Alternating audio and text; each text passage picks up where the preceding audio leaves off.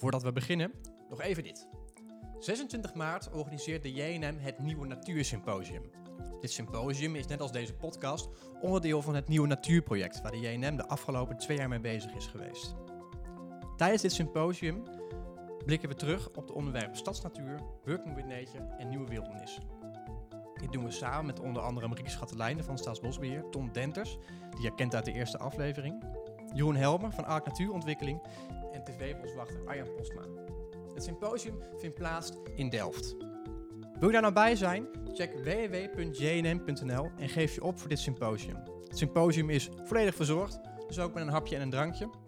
En voor iedereen toegankelijk. Hopelijk zien we je daar.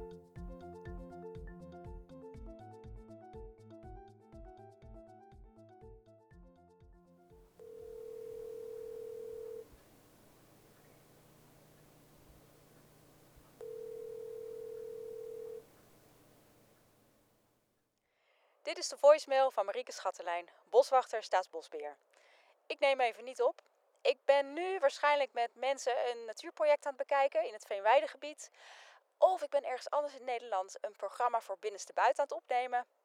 Of ik ben gewoon lekker zelf in mijn vrije tijd buiten een rondje aan het hardlopen. Spreek maar wat in. Doeg! Dag Marieke, met Rien. Samen met Rick maken wij een podcast over nieuwe natuur. En nu heb jij het boek Natuurzin geschreven. Daarin leg je uit waarom natuur ons creatiever, blijer en gezonder maakt. Nou, en jij als boswachter hebt enorm veel natuur gezien en enorm veel ervaring met die natuur. Zou je ons eens mee kunnen nemen in die verhalen waarom die natuur voor ons zo enorm belangrijk is? We horen graag van je. Hoi hoi.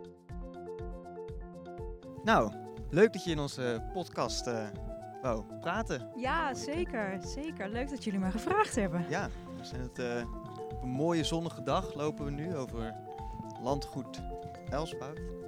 En dat is voor jou een eh, bekende plek, volgens mij. Ja, absoluut. Eh, hier is mijn werk als boswachter begonnen bij eh, Staatsbosbeheer. En ja, het is ook een ongelooflijk mooie plek. Ik woon inmiddels vlakbij, dus ik kan er ook vrij vaak naartoe. Maar het is een plek met heel veel historie.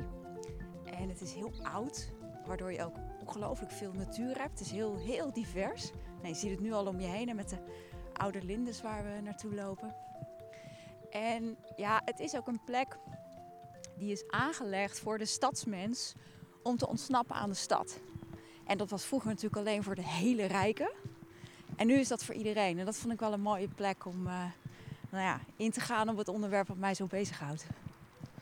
Ja, want dat ontsnappen aan de stad en nou, toch wel rust zoeken in de natuur, dat is iets wat jou heel erg interesseert.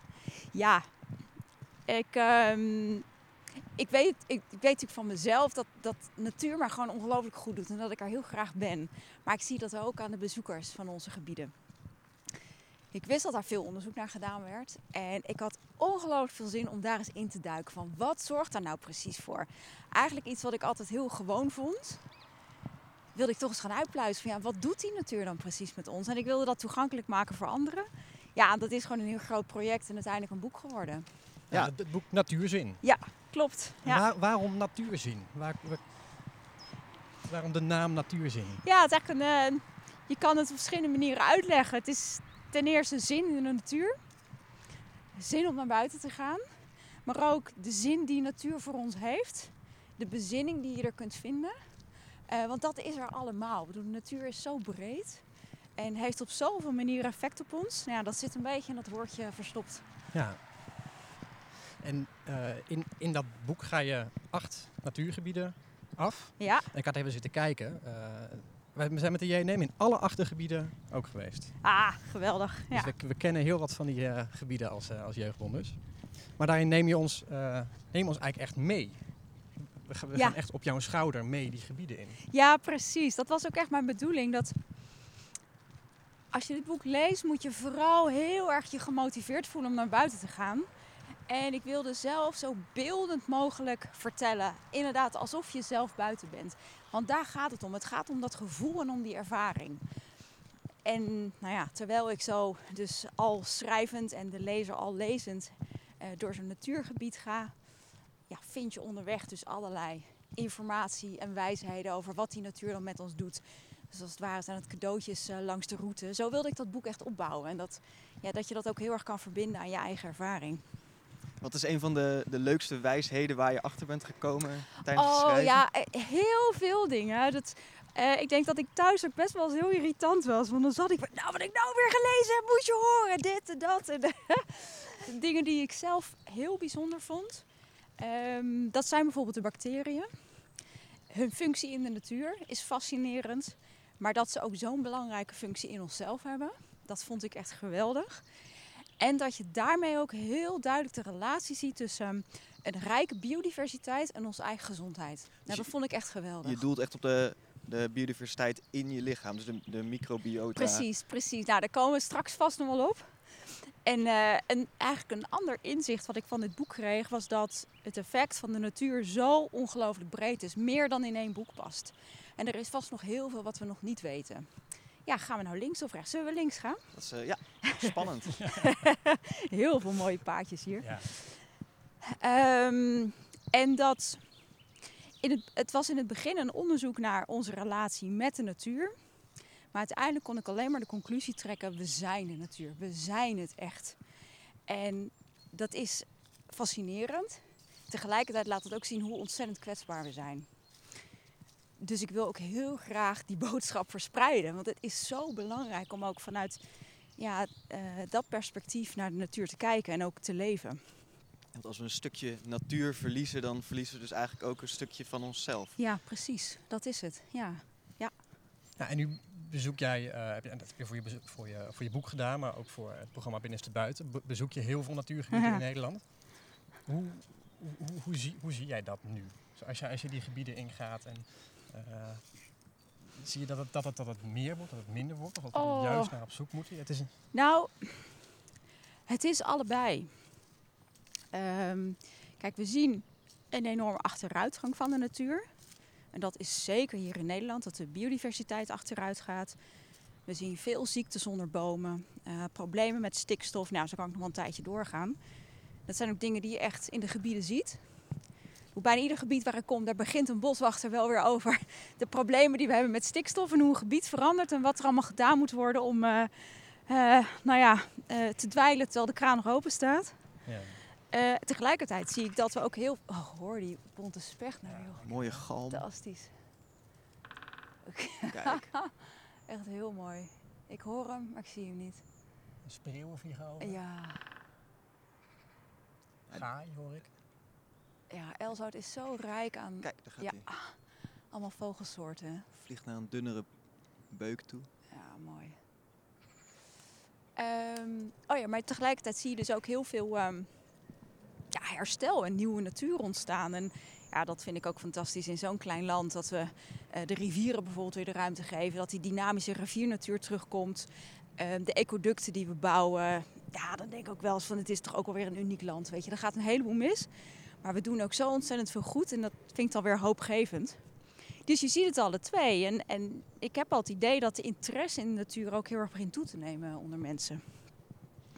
Ja, want zeker, eh, je boek kwam natuurlijk uit net in, net na een, hopelijk net na een periode van eh, ja, veel vrije tijd door corona. Ja. Veel mensen gingen de natuur Ja, ja. in. Merkte jij ook zelf dat daar de interesse eh, voor natuur door toenam? Ja, sowieso kwamen nu mensen weer naar buiten die dat voorheen niet deden. Die gewoon eh, nou ja, de stad in gingen. En ja, bij wijze van spreken uit ja, gebrek aan ander leuks dan maar de natuur in.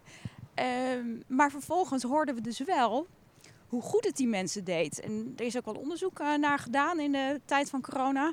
Een heel groot deel van de mensen eh, gaf dus aan dat natuur heel belangrijk voor ze is geweest in die tijd. En zelfs dat de natuur ze er echt doorheen geholpen heeft. Dus dat laat wel weer zien dat we iets ja, aan het herontdekken zijn. Noodgedwongen, anders was het misschien niet gebeurd. Maar omdat er een heleboel afleiding wegviel, ja, denk ik dat we een heleboel opzichten ook alweer hebben kunnen ontdekken wat echt belangrijk voor ons is en wat ons werkelijk goed doet. Ja, en dat, dat, dat ontdekken, doen we, eh, is dat dan voor mensen een bepaalde manier van nieuwe natuur?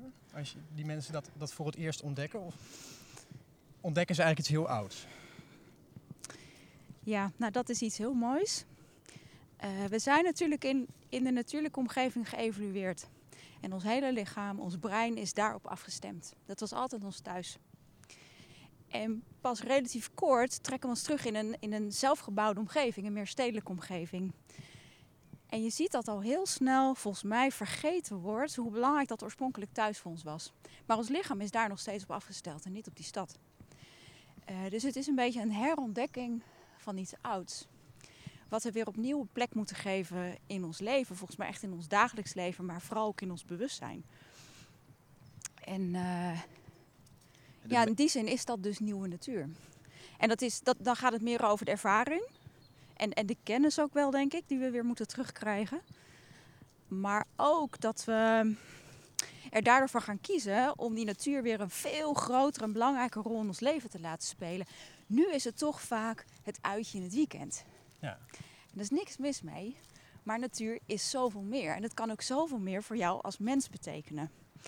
En ja, ik denk dus dat ja, ik vergelijk het wel eens met uh, eten en drinken. Ik bedoel, je eet en drinkt niet de hele dag, maar ergens ben je er wel de hele dag mee bezig. Ik bedoel, de een wat meer dan de ander. Um, zo zou dat eigenlijk ook met de natuur moeten zijn. Je zou eigenlijk altijd een soort ja, mentale verbinding daarmee moeten voelen en dat ook veel vaker opzoeken. Omdat je dan ook gaat ervaren wat het voor je doet. Je zou er eigenlijk altijd van bewust moeten zijn dat je het nodig hebt. Dat je het nodig hebt en, en dat het jou heel veel te brengen heeft. En dat je daardoor dus ook die natuur echt in je dagelijks leven gaat halen. Dat kun je als individu natuurlijk doen.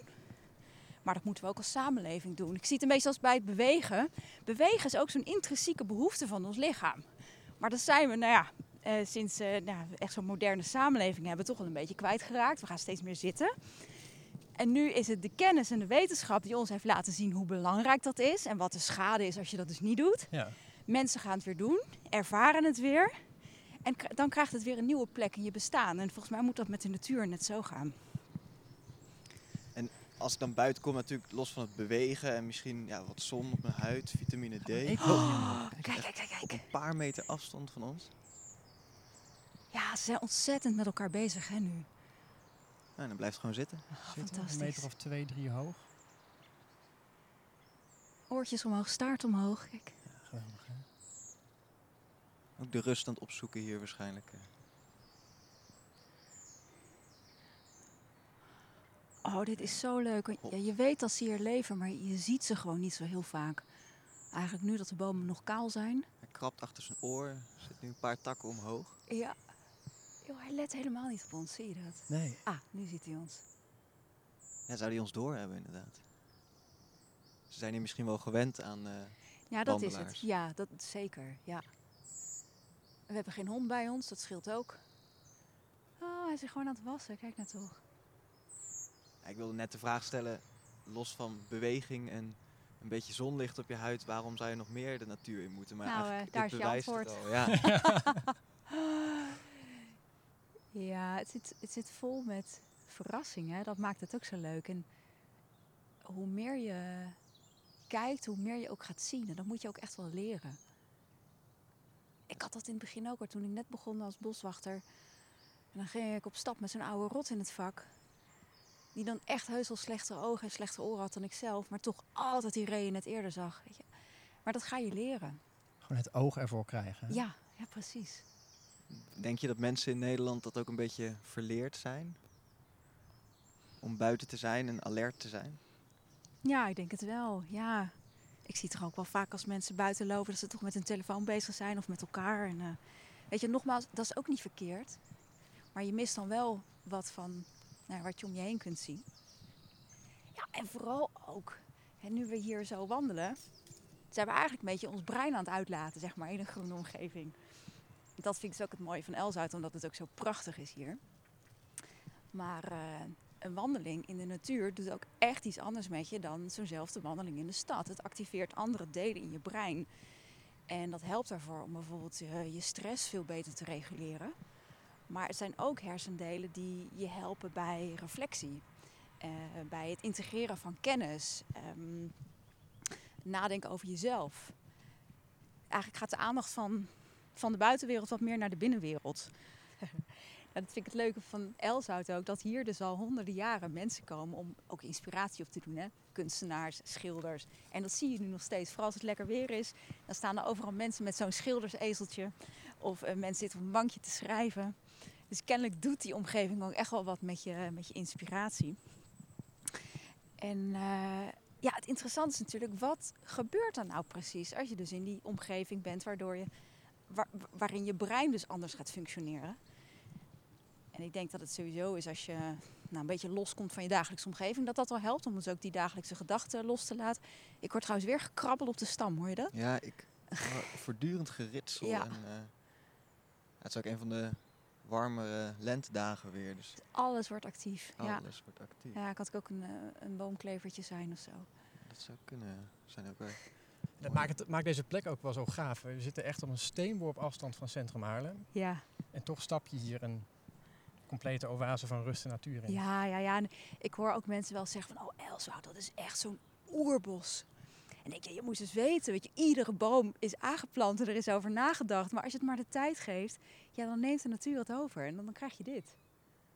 Ja, misschien hebben mensen ook wel een beetje te veel haast, normaal gesproken, om een bos gewoon een bos te laten worden. Maar op zo'n plek als dit zo. kunnen de bomen nog gewoon oud worden. Ja, dat is, uh... ja. Dat zie je ook wel op, dat deze vroeger ook, hè, want op schilderijtjes van Elswoud uit, uh, volgens mij de 18e eeuw of zo, dan zie je dus ook al van die mooie dikke bomen staan. Dat kan helemaal niet. Dat waren toen gewoon van die dunne sprietjes. dus er werd ook al gewoon weergegeven hoe ze het graag zouden zien. Nou ja, dat hebben we dus nu.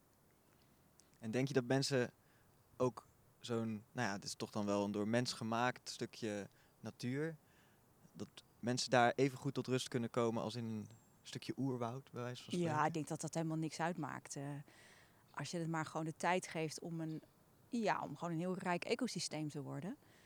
En uh, oh ja, daar hadden we het net over. Hè, over wat nou mogelijk een verklaring kan zijn van waarom je brein dus anders uh, reageert in zo'n groene omgeving. En uh, Agnes van den Berg, hoogleraar natuurbeleving en omgevingspsycholoog, die uh, heeft daar een hypothese over dat het mogelijk de fractalen zijn die we zien. Hè. Dat fractalen zijn zich herhalende structuren op een steeds kleinere schaal die zie je in de natuur heel veel. En als ons brein er naar kijkt, dan uh, is dat net een fijne mix van ja, complexiteit. Je raakt gefascineerd zonder dat je brein echt overbelast wordt. En dat zorgt ervoor dat je ontspant en tegelijkertijd een actief brein hebt. En misschien is dat het wel, dat dat ervoor zorgt. En dat is natuurlijk alleen nog maar het zien, maar het is natuurlijk ook nog het, het ruiken en het horen. Heel veel dingen die we nog niet weten. Ja, nou ja, dat is weer omdat het natuurlijk de omgeving is waar we vandaan komen. Uh, maar dat is heel mooi. En dat, ja, doet deze omgeving. Of dat nou door mensen is aangelegd of, uh, of dat het uit zichzelf uh, hier is gekomen. Dus de natuur bespeelt je eigenlijk een beetje met een soort ritme als muziek eigenlijk. Ja, nou ja, en fractalen komen natuurlijk ook terug in muziek inderdaad. Ja, ja zeker. En als je... Uh, um, zie jij een verschil tussen nou ja, een, een bos als dit, wat, uh, nou ja, waar echt bomen staan van 2, 2 300 jaar oud, ja. en een, uh, nou ja, een stadsparkje wat bij wijze van spreken net is aangelegd, maar waar, wat ook heel groen is? Ja. Um, ervaar, je dat, hoe, hoe, hoe, ervaar je dat heel anders? Ja, ik ervaar dat zeker anders. Uh, ik vind, zodra er echt oude bomen zijn en oude natuur, ja, ik vind dat heel mooi. Dan krijg je zo'n, ja, dat is zoveel schoonheid, net als een, als een prachtig schilderij wat gemaakt is. Um, dus dat heeft op mij wel een andere uitwerking. Maar ik vind het ook lekker om gewoon in een parkje te zijn. Weet je, dat, dat heeft weer iets anders. Dus daar zit dan weer zo'n jonge dynamiek in. En dan zie je ook weer andere planten en diersoorten bijvoorbeeld. En het is groen. Dus het heeft allemaal zijn waarde. En uh, ja, we weten inmiddels ook wel dat als mensen gewoon veel groen in hun woonomgeving hebben...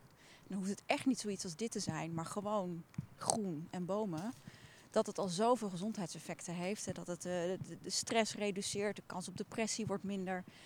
Uh, als kinderen vanuit hun raam uitzicht hebben op een boom, dan kunnen ze beter omgaan met moeilijke emoties bijvoorbeeld. Ja. Fascinerend, toch? En uh, ja, dat hoeven dan niet per se grote oude bomen te zijn. Hallo. Hoi. Hallo. Nog meer mensen die van de natuur genieten. Ja, precies. ja, fijn. Nee, maar je ziet dan heel mooi dat, dat dus de, de, um, de natuur niet alleen de natuur is in de zin van uh, flora en fauna. Maar dus ook op wat voor manier dan ook. Uh, ook dus heel veel met onze gezondheid en ons welzijn doet. Ja, zeker. Zeker. En uh, ja, weet je, als we nu zo hier lopen, hè, bedoel, je hebt hier dus echt wel een hele oude bosgrond. Die gewoon honderden jaren intact is gebleven. Dus Ehm, je ziet bovengronds heel veel oude natuur, maar dat is hier natuurlijk onder de grond ook. En ik denk dat dat wel een belangrijk verschil is. Dit heeft de tijd gekregen en hieronder is dus ook een enorm grote gemeenschap ontstaan. We hebben nog geen idee wat zich hier allemaal onder afspeelt. Het zit vol met schimmelnetwerken en bacteriën en natuurlijk bodemleven. En dat is goed voor het bos, maar dus ook voor onszelf. En dan komen we op die bacteriën uit. Dat daar in die bodem, waar we nu bij staan, of waar je gewoon even zo, even je hand, je moet je vooral gewoon af en toe even zo de bodem ook aanraken. Je staat in contact met allerlei klein leven wat je niet kunt zien, maar wat je wel in je opneemt. Wat op je huid blijft en wat eh, in je, je luchtwegen terechtkomt en in je darmstelsel. En daar zitten dus bacteriën bij die een hele belangrijke rol spelen in ons systeem. We weten allemaal wel dat je bacteriën nodig hebt om je voedsel te verteren. Maar bacteriën doen nog zoveel meer. En ja, dat vond ik wel een van de fascinerende dingen. Er zitten bacteriën bij die echt een belangrijke regulerende werking hebben in ons immuunsysteem. Heb je die regulerende werking niet, dan raakt je immuunsysteem uit balans en gaat je lichaam eigen lichaamcellen aanvallen of nou, stoffen van buiten die niet gevaarlijk zijn. En dat zie je in de, in de, de westerse industriële samenleving gewoon ontzettend toenemen. De ziektes, eh, auto-immuunziektes, eh, allergieën, astma, eh, denk aan, aan reuma. Nou ja, het is een heel scala van, van chronische aandoeningen, wat duidt op een immuunsysteem uit balans. Nou wil ik niet zeggen dat het alleen maar komt omdat er te weinig contact met die bodem. Dat is ons hele levensstijl. Er zijn allerlei factoren van invloed. Maar dit speelt dus ook een rol. En ehm, zou al helpen als de kinderen gewoon weer wat vaker in de modder vroeten eigenlijk. Ja, zeker. Ja. En er werd lang gedacht, dat is de hygiënehypothese, dat je gewoon in contact moet komen met ziekteverwerkers, omdat je daarmee je immuunsysteem traint. Nou, dat is waar. Maar hier zitten dus ook heel veel vrienden in de bodem en in planten, die wij dus nodig hebben in ons eigen lichaam. En dat contact heb je heel hard nodig. En ja, dat is een hele interessante studie in Finland gedaan naar, eh, naar kinderen in de stad, waarbij ze dan bij de, de kinderopvang de, buiten, de buitenruimte hebben ingericht met bosgrond en allerlei materialen uit het bos. En daar lieten ze iedere dag de kinderen even mee spelen. En na een maand tijd zagen ze zo dat er een andere bacteriesamenstelling was op de huid. En dat dus in het lichaam ook ehm, de andere stoffen gemeten werden die duiden op een beter werkend immuunsysteem in een maand. En dat vind ik dus heel hoopgevend. Dat is dus ook nieuwe natuur. Nieuwe natuur is volgens mij ook op een nieuwe manier kijken naar die natuur. Hoe zorgen we ervoor dat dat weer deel gaat uitmaken van ons dagelijks leven en van mensen in de stad. Want over een tijdje woont iedereen in de stad, zo ongeveer. Dus hoe zorgen we ervoor dat, dat wat hier is ook in die stad komt? Ja. Nou ja, eh, we, zijn, we zijn met Laura op pad geweest. Ja. Die doen dat heel mooi met de, eh, de Tiny Ja, Forest. dat is geweldig. Ja, dat, dat, dat is zo'n belangrijk project. En zo zou er nog veel meer moeten gebeuren, eh, denk ik zelf. Er zou een soort stad 2.0 moeten ontstaan. We hebben een enorme uitdaging. Er moeten heel veel huizen bijgebouwd worden in Nederland. Maar dat is natuurlijk sowieso in de hele wereld. Maar we moeten naar een hele andere, op een hele andere manier gaan kijken naar de, de inrichting van die steden. Dat groen moet net zo belangrijk zijn als de stenen. En dat is een manier van denken. En dat zie je nu al heel erg bij nou, de, de natuurliefhebbers en de natuurorganisaties. Maar het is zo belangrijk om dan ook samen te werken met mensen van ruimtelijke ordening bijvoorbeeld. En de gezondheidszorg. Er moeten veel meer kruisverbanden ontstaan. Ja, dat is ook nieuwe natuur, denk ik. Dat dat niet meer ja, ligt bij de natuurbeheerders en natuurclubs zoals het IVN. Maar dat je dat echt met allerlei sectoren samen gaat doen. Dus eigenlijk dat je de, de, de, de natuur dus ook heel erg weer naar de mens toe trekt. Ja, ja, ja, echt. Nou ja, be- begin in je eigen huis, zou ik zeggen. Met, met allerlei planten die je kunt neerzetten. Waarmee je dus ook allerlei gezonde stoffen eh, naar binnen haalt. En planten die ook je lucht zuiveren. En vervolgens ja, moeten die eh, tegels uit de tuin en groen erin. Maar ook niet willekeurig groen. Hè. We zijn geneigd om... Ja, het is ook logisch. Je gaat naar het tuincentrum, dan hou je planten en het ziet er mooi uit. En dat zet je in je tuin. Maar zouden ook meer kunnen kijken naar de samenhangen, zoveel mogelijk inheemse beplanting eh, neerzetten in de tuin. Want dat zijn planten die hier al ontzettend lang leven en ook, dus ook in samenhang met weer die bacteriën en schimmels en insecten. En dat heb je nodig. En dat is voor jou ook goed, want als je dan door je tuintje loopt, of je ademt het alleen al in, dan krijg je al die stoffen dus binnen. Dus voor jezelf is dat dus ook heel erg goed. En dan natuurlijk voor de insecten en de vogels. En nou ja, je tuin wordt er ook alleen maar vrolijker van. Ja. Ehm, nou ja, vervolgens ga je uit die tuin en dan moet er ja, overal groene verbindingen, groene linten zijn in de stad. Waardoor dieren en planten ook van het ene gebied naar het andere kunnen trekken. En dat een stad daar net zo goed een onderdeel van is. En voor ons mensen ook. Dus Ja, meer, dat meer de natuur in, maar ook meer natuur om jezelf heen halen. ja, ja. Dus Precies. Dat eh, als je nou, naar Nederland kijkt over pakweg, wat zullen we eens doen? 100 jaar? 100? 200 doen we dit keer. 200 jaar. Een keer wat anders. Een keer wat anders. hoe, eh, hoe zie jij dan de relatie? Of hoe ver- hoop jij dan dat de relatie van mensen... Ja, met ik hoop dat is. we dan een leven hebben dat helemaal weer ondergedompeld is in het groen. En eh, dat dat ook samen mag gaan met techniek. Ik bedoel, we zullen ook zeker allemaal technische oplossingen nodig hebben. Ik bedoel, we zijn met heel veel mensen en we moeten zoeken naar andere manieren van energievoorziening. En eh, onze landbouw anders gaan inrichten. Dus ja, dat zal heel anders zijn. Maar dat steden ook gewoon groene plekken zijn. Nu is het nog, je hebt een stad en je hebt een buitengebied. Maar dat, ja, dat moet gewoon helemaal in elkaar eh, overgaan. Dus zo zou ik dat voor me zien. En dat een stad ook gewoon weer een schone plek is. En dat je niet eh, iedere maand je, je ruiten moet wassen omdat er weer zo'n zwart laagje op zit, weet je, van de uitstoot. Maar dat het gewoon een schone plek is en een veilige plek. Waar je ook, ja, waar kinderen gewoon weer kunnen buitenspelen. eh zelf naar school kunnen lopen. eh, waar je dieren om je heen ziet, waar af en toe een ree naar binnen komt.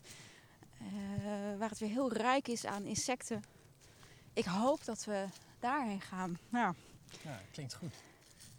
En dus, dus niet alleen... Oh, we lopen even door een, eh, bijna een oerwoud heen. En dus niet alleen een, eh, dat mensen beseffen dat de natuur belangrijk is voor de natuur, maar ook voor zichzelf. Of eigenlijk dat zij ook bij die natuur horen misschien. Ja, precies. Ja, want dat is zo. Weet je, wij, wij zijn het ook. En eh, het lijkt wel of we er nu helemaal buiten geplaatst worden. En ook altijd wel in negatieve zin. Hè. De mensen doen de natuur van alles aan. Dat is ook zo. Maar de mens doet ook heel veel goeds. En nou ja, jullie weten natuurlijk ook, ik bedoel, iedere diersoort probeert zijn omgeving te manipuleren, zodat het voor hemzelf zo gunstig mogelijk wordt. Nou, dat doen wij ook. Dus daarin zijn we niet anders dan de mieren bijvoorbeeld. Ja, want die, die mieren, daar heb je het over in, als ik het goed zeg, in Drenthe, hè? In Ja, klopt. Ja. Ja. Ja, ja. precies. De rode bosmier, daar ben ik toen naar op zoek gegaan. Ja, fantastische dieren ook. Hoe ze ja, in zo'n gemeenschap leven. Het is natuurlijk heel anders dan hoe wij mensen dat doen. Het individu telt niet. Het gaat echt om de gemeenschap en eh, het, eh, het voortbrengen van nageslacht. Maar dat iedere mier daar zijn eigen rol in heeft. En dat die, die rollen veranderen ook gedurende het mierenleven. En eh, ja, dat ze met elkaar ook een, eh, ja, zo'n bouwwerk maken, een eh, mierennest, een mierenkoepel, die gewoon heel ingenieus in elkaar zit. Ja, dat zijn ook dingen waar we weer van kunnen leren. Hè? Dat is echt het bouwen met de natuur. En Dat is een beetje de, ja, de centrale gedachte daarachter is, dat de natuur natuurlijk al miljoenen jaren bezig is met een soort innovatie. Hè, dat is de natuurlijke selectie. En, en de natuur heeft altijd te maken met een tekort aan energie. Je moet heel efficiënt met zijn ja, materialen omgaan. Ja, dat is iets wat we zelf ook moeten doen. Dus er zitten een heleboel voorbeelden in waar we van kunnen leren. Ik hoor nog in de verte die brandweerwagen. Dat doet me ook weer denken aan de vraag die je net stelde. Zo'n parkje in de- zo'n nieuw parkje in de stad bijvoorbeeld. Hoe anders is dat dan zo'n gebied als dit? En eh, ja, ja, het is denk wel belangrijk dat verschillende soorten natuur ook allemaal hun eigen effect hebben. En dat wel hoe verder weg je komt van de bebouwing en eigenlijk van alles wat door mensen maakbaar is, hoe sterker ook je je wel weer kunt onderdompelen in die natuur en hoe meer dat effect ook is. Dus we hebben wel eigenlijk alles nodig. Zowel het hele dichtbij je, dat je dat dagelijks kunt doen, maar je moet je ook af en toe echt kunnen terugtrekken. Ja. En eh, eh, nou ja, die, die menselijke wereld een beetje achter je kunnen laten. En ja, dat heb je natuurlijk in de wat grotere, uitgestrektere natuurgebieden. Ja, als je ons nou eens mee zou kunnen nemen naar, eh, nou ja, naar een van die natuurgebieden waar je, die je in je boek benoemt. Ja, Waar gaan we dan naartoe? je bedoelt met de JNM. Ja? Nou, wat ik heel leuk zou vinden is dat ik jullie dan toch meeneem naar de stad. en dat ik. eh, ik ben namelijk heel nieuwsgierig naar hoe. eh, hoe jonge mensen, weet je, die er helemaal fris in staan. Wat voor ideeën daar uitkomen over zo'n stad 2.0. Hoe je dat zou kunnen inrichten. Dat lijkt me echt onwijs gaaf eh, om te doen. Ja. En dan doel je niet alleen op, eh, of ja, misschien voornamelijk niet op logistieke vraagstukken zoals files en zo, maar meer het groen in de stad. Het groen in de stad, inderdaad. En hoe, eh, hoe verbind je dat met elkaar? En hoe zorgen we ervoor... Nou, waar ik het eerder over had, die inheemse beplanting. Weet je hoe belangrijk dat is? Het moet uiteindelijk ook heel praktisch vertaalbaar worden. Natuurlijk naar mensen die zo'n ruimte inrichten. En waar heb je bijvoorbeeld geen stoep nodig, maar kan het gewoon groen zijn? En ja, wat voor mogelijkheden zijn er nog meer? Ik denk zelf aan ja, verticale beplanting langs huizen en, en nou ja, groene daken. Maar er is vast nog zoveel meer te bedenken. Ehm, ja, dat is natuurlijk ontzettend leuk om met een heleboel mensen samen te doen. Ja, we hebben het ook gedaan met de JNM. We zijn natuurlijk zijn naar eh, Den Haag zijn we in geweest. Jo, echt? Rotterdam, Ja. Oh joh. Delft. Ehm, en ook gewoon daar zijn we ook gaan, gaan kijken, wat kom je nou tegen? En eh, nou ja, hoe langer je kijkt, hoe meer je ook gaat zien toch ook Ja. in zo'n stad. Ja, het is nog niet helemaal hopeloos. De ene stad is ook de andere niet, hè? Je hebt ook nog best wel groene steden. Eh, hier Haarlem helaas niet. Het is een hele grijze stad. Ja. Met een paar mooie parken en verder heel weinig. Eh, dus dan zou ik jullie misschien wel hier mee naartoe nemen. Maar in je boek komt geen hoofdstuk over de stad voor dan. Is dat een bewuste keuze of Nou, inderdaad, niet over stadsnatuur. Ik heb wel een kleine verbinding gemaakt met, eh, met Elswoud. En dan ging het vooral over als je in een stedelijke omgeving bent en daarna in een groene omgeving, wat verandert er dan in jezelf? Om dat te laten zien. En ik heb nog wel een ander hoofdstuk waarin ik meer droom over hoe zo'n stad eruit kan zien. En wat we zelf zouden kunnen doen in ons dagelijks leven. Maar ik ben niet ingegaan specifiek op die stadsnatuur. Maar al die dingen die ik beschrijf over het effect dat, nou, bijvoorbeeld of wat die fractalen op je hebben, eh, de bacteriën en et cetera. Dat is natuurlijk ook in de stad, als je daar natuur hebt. wa- wat noemde je net? Fractalen? Fractalen, ja, dat zijn die, die, die vormen die je in de Oh ja, natuur ja, eh, veel ja, ziet, waar ons brein op reageert. Ja, een ander ding is bijvoorbeeld de, de fytonciden, om daar Nog een moeilijk woord te blijven. Ja. Dat zijn de, de stofjes die overal in de natuur gemaakt worden. Belangrijk bestanddeel zijn de terpenen. Eh gebeurt ondergronds door schimmels, bacteriën, bovengronds door allerlei planten en de bomen. En die ademen we in. Vaak zijn het de, de natuurlijke insecticiden van planten waarmee ze zich beschermen tegen insectenvraat. Maar het is ook een middel waarmee ze elkaar informeren. eh, of dingen juist naar zich toe halen. Dat ademen wij in. En dat heeft dus ook weer effect op ons lichaam. Hé, hey, de groene, Groene specht, specht, hoor je dat? Ja. Kijk, Oh, misschien zit hij wel daar ergens in het gras. ook mieren te eten. Ja, precies. Ja, want zoals die, die groene specht dan dus roept, zo zijn die stofjes dus bedoeld om te communiceren tussen Ja, planten. precies. Ja, ja. En ja, dat is, ik vond dat ook weer fascinerend om dan te zien dat ook ons lichaam dat weer interpreteert, die stoffen. Het werkt door op ons eh, immuunsysteem. Het, eh, eh, het versterkt heel erg het immuunsysteem, maar het werkt ook in op het zenuwstelsel. Het, eh, het doet angst ook verminderen, het laat je meer ontspannen. Het is ontstekingsremmend in de luchtwegen. Nou, en ga zo maar door. Ja, dat is fantastisch. Dat En bewijst meer hoe enorm gezond natuur ook is. Dus. Precies. En ook hoe complex het is. En we zijn natuurlijk geneigd om, ja, je wil het tastbaar maken en weten hoe het in elkaar steekt. Maar er is waarschijnlijk nog zoveel meer wat we niet weten. En waar ik zelf nieuwsgierig naar ben, is hoe zit dat dan met een ziek bos? Hè, als je door een bos loopt met allemaal zieke essen. Wat voor Ja. stoffen worden dan uitgezonden? en, en wat betekent dat misschien weer voor ons?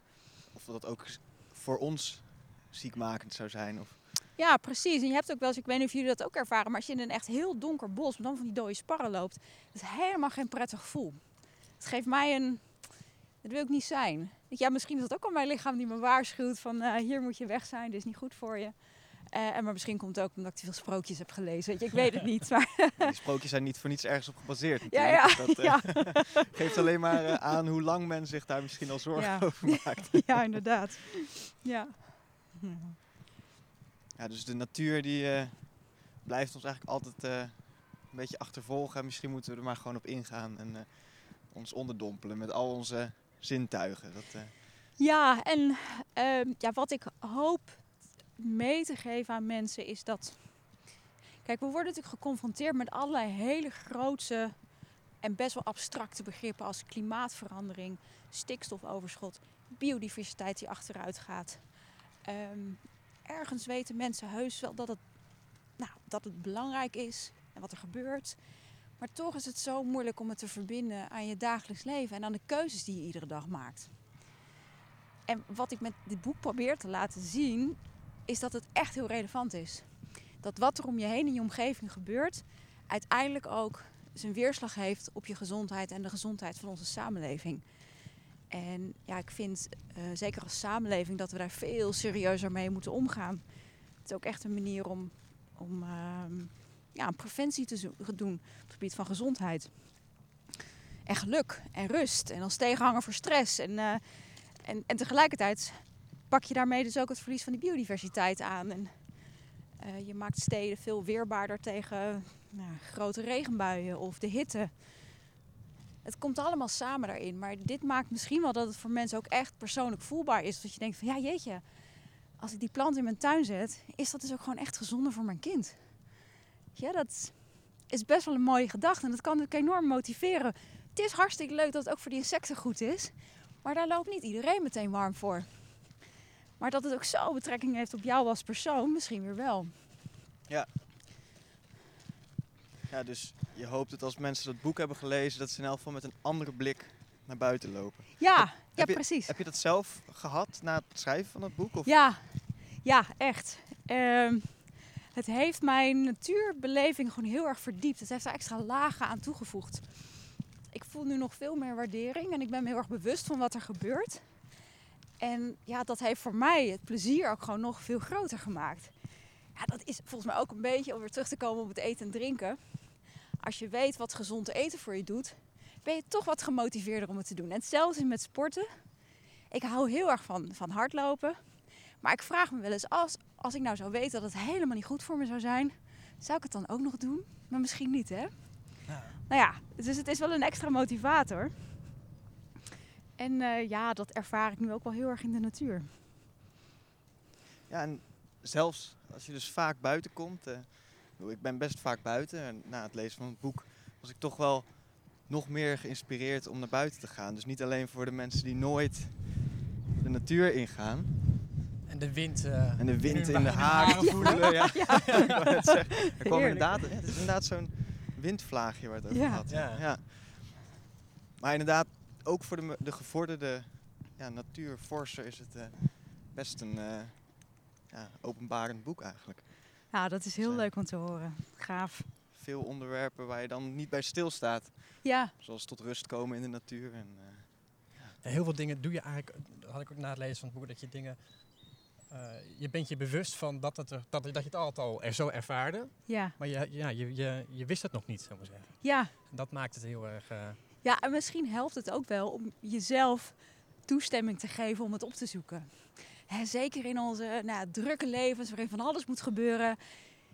Ja, dan schiet het er wel eens bij in. Hè? En, en misschien al helemaal bij mensen die niet zo intensief met natuur bezig zijn ja, ik hoop dat, nou wat ik eerder al zei, dat het echt weer veel meer in het bewustzijn komt. Je denkt, ja, nee, maar dat is gewoon hartstikke goed voor me. Ik voel me echt beter. Weet je, ik moet dat doen. Ja, ja. Dus in, maar en dat is, ja, in wat voor natuur dan ook. Of het nou heel oud is of heel nieuw is. Ja. Alle, alle manieren heeft het een, uh, nou ja, een gezonde, goede werking ja, op lichaam en geest. Precies. Ook dat ommetje bij je in de buurt. Wat Juist ook, het ommetje misschien wel. Juist het ommetje, ja. ja. En dat moeten we koesteren hoor, want... Uh, ik zie toch wel ieder uh, rommellandje bebouwd worden. Ja, we zijn het echt in hoe... rap tempo aan het kwijtraken. Ja, hoe, hoe meer je het waardeert, dat ommetje in de buurt, hoe mooier dat ommetje ook gaat worden, waarschijnlijk. Ja, en je gaat ook steeds meer zien, hè? Ja. Dat hoorde je ook wel in de coronatijd, dat mensen zeiden van nou, die bomen, daar uh, fiets ik ochtends altijd in, in snelle vaart voorbij. En nu ben ik eens een keer gaan kijken en dan zie ik wat voor vogels erin leven. En hoe die door de seizoenen heen verandert. Ja. Hoe prachtig dat is. Zullen we nog even daarin gaan? Ja prachtige oude eik, denk ik. Ja, ja. ja echt een joekel dit. Ja, nou, dit is zo ontzettend mooi. Is een, wat zou die hebben voor diameter? 1,20, 1,30, misschien wel iets meer? Ja. En die staat hier dan ook wel heel interessant naast een grote heg. Die dan weer echt heel menselijk eruit ziet. Juist. Die echt keurig ja, bijgehouden is. Keurig ja, inderdaad. Strak. Dat heb je op een buitenplaats, hè? Dat is uh, ja, eigenlijk wel mooi. En dat is misschien met rondje ook... Uh, voor ons en het verhaal af te maken. Misschien ook wel mooi dat het allemaal een beetje samenkomt op Elswoud. Ja. Het wel interessant is dat de plek waar jij dus als boswachter ja, begonnen bent, geïnspireerd bent. Eigenlijk ook wel een goede samenvatting is van uh, alle puntjes die je in je boek hebt uh, Van dit hele verhaal, hè? Ja, ja. Ja, en dat je hier dus ook, nou ja, helemaal op deze plek ook kunt zien dat ja, mensen her en der zich heel intensief met die natuur hebben bemoeid en nog steeds. Maar ook op andere plekken het weer helemaal in gang hebben laten gaan. En dat dat samen tot zoiets moois is gekomen. En ja, volgens mij moeten we dat op heel veel plekken in Nederland nog gaan doen. Ja, Er is nog heel veel te winnen wat dat betreft. ja nog Ja. heel veel te winnen. Ja. Ja, hier word je toch blij van. Ja, de zon. Ja. We hebben geen jas nodig. Nee.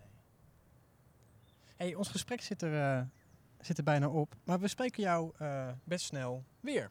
Ja, We zitten nu eh, begin maart. Ja. 26 maart zien we jou weer. Dan zien we jou op het Nieuwe Natuursymposium. gaat het eindelijk gebeuren. Eindelijk gebeuren. het moest een keertje, we moesten het even, even verzetten in verband met corona. Ehm, kan je ons iets vertellen over wat je, wat je daar nog gaat, eh, wat je daar gaat vertellen? Ja, ik ga mensen meenemen door de, de zoektocht eigenlijk die ik zelf heb afgelegd bij het maken van dit boek. Eh, dus het gaat niet alleen over waar dit boek toe heeft geleid, maar ook hoe ik daartoe gekomen ben en wat voor verrassingen ik onderweg ben tegengekomen. Eh, want het schrijven van het boek was een beetje zoals een wandeling ook kan zijn. Weet je, je denkt ik ga van hier naar daar, maar dan is er daar een mooi paadje en dat is interessant en dit is leuk. En ja, dat heeft tot zoveel mooie ontdekkingen geleid en, eh, en soms ook tot frustraties. En dat wil ik zeker ook delen en de zorgen zeg maar, die dit ook heeft losgemaakt. En ehm, ja, ik wil dat graag met het publiek delen.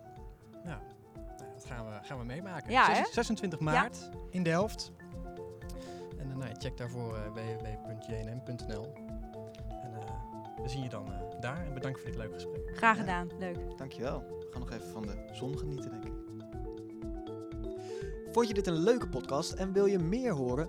Volg ons via Spotify en check de socials van de JNM Jongeren in de Natuur. Dit is een vereniging voor en door jongeren van 11 tot 25. Het doel is om kinderen en jongeren belangstelling voor en kennis van de natuur bij te brengen. Wil je ook een keertje mee? Dat kan. Check www.jnm.nl of volg ons op social media. Het JNN-project Nieuwe Natuur en deze podcast zijn mogelijk gemaakt door het Prins Bernhard Cultuurfonds. Muziek en montage door Siebe de Vries. Tot de volgende keer. Later.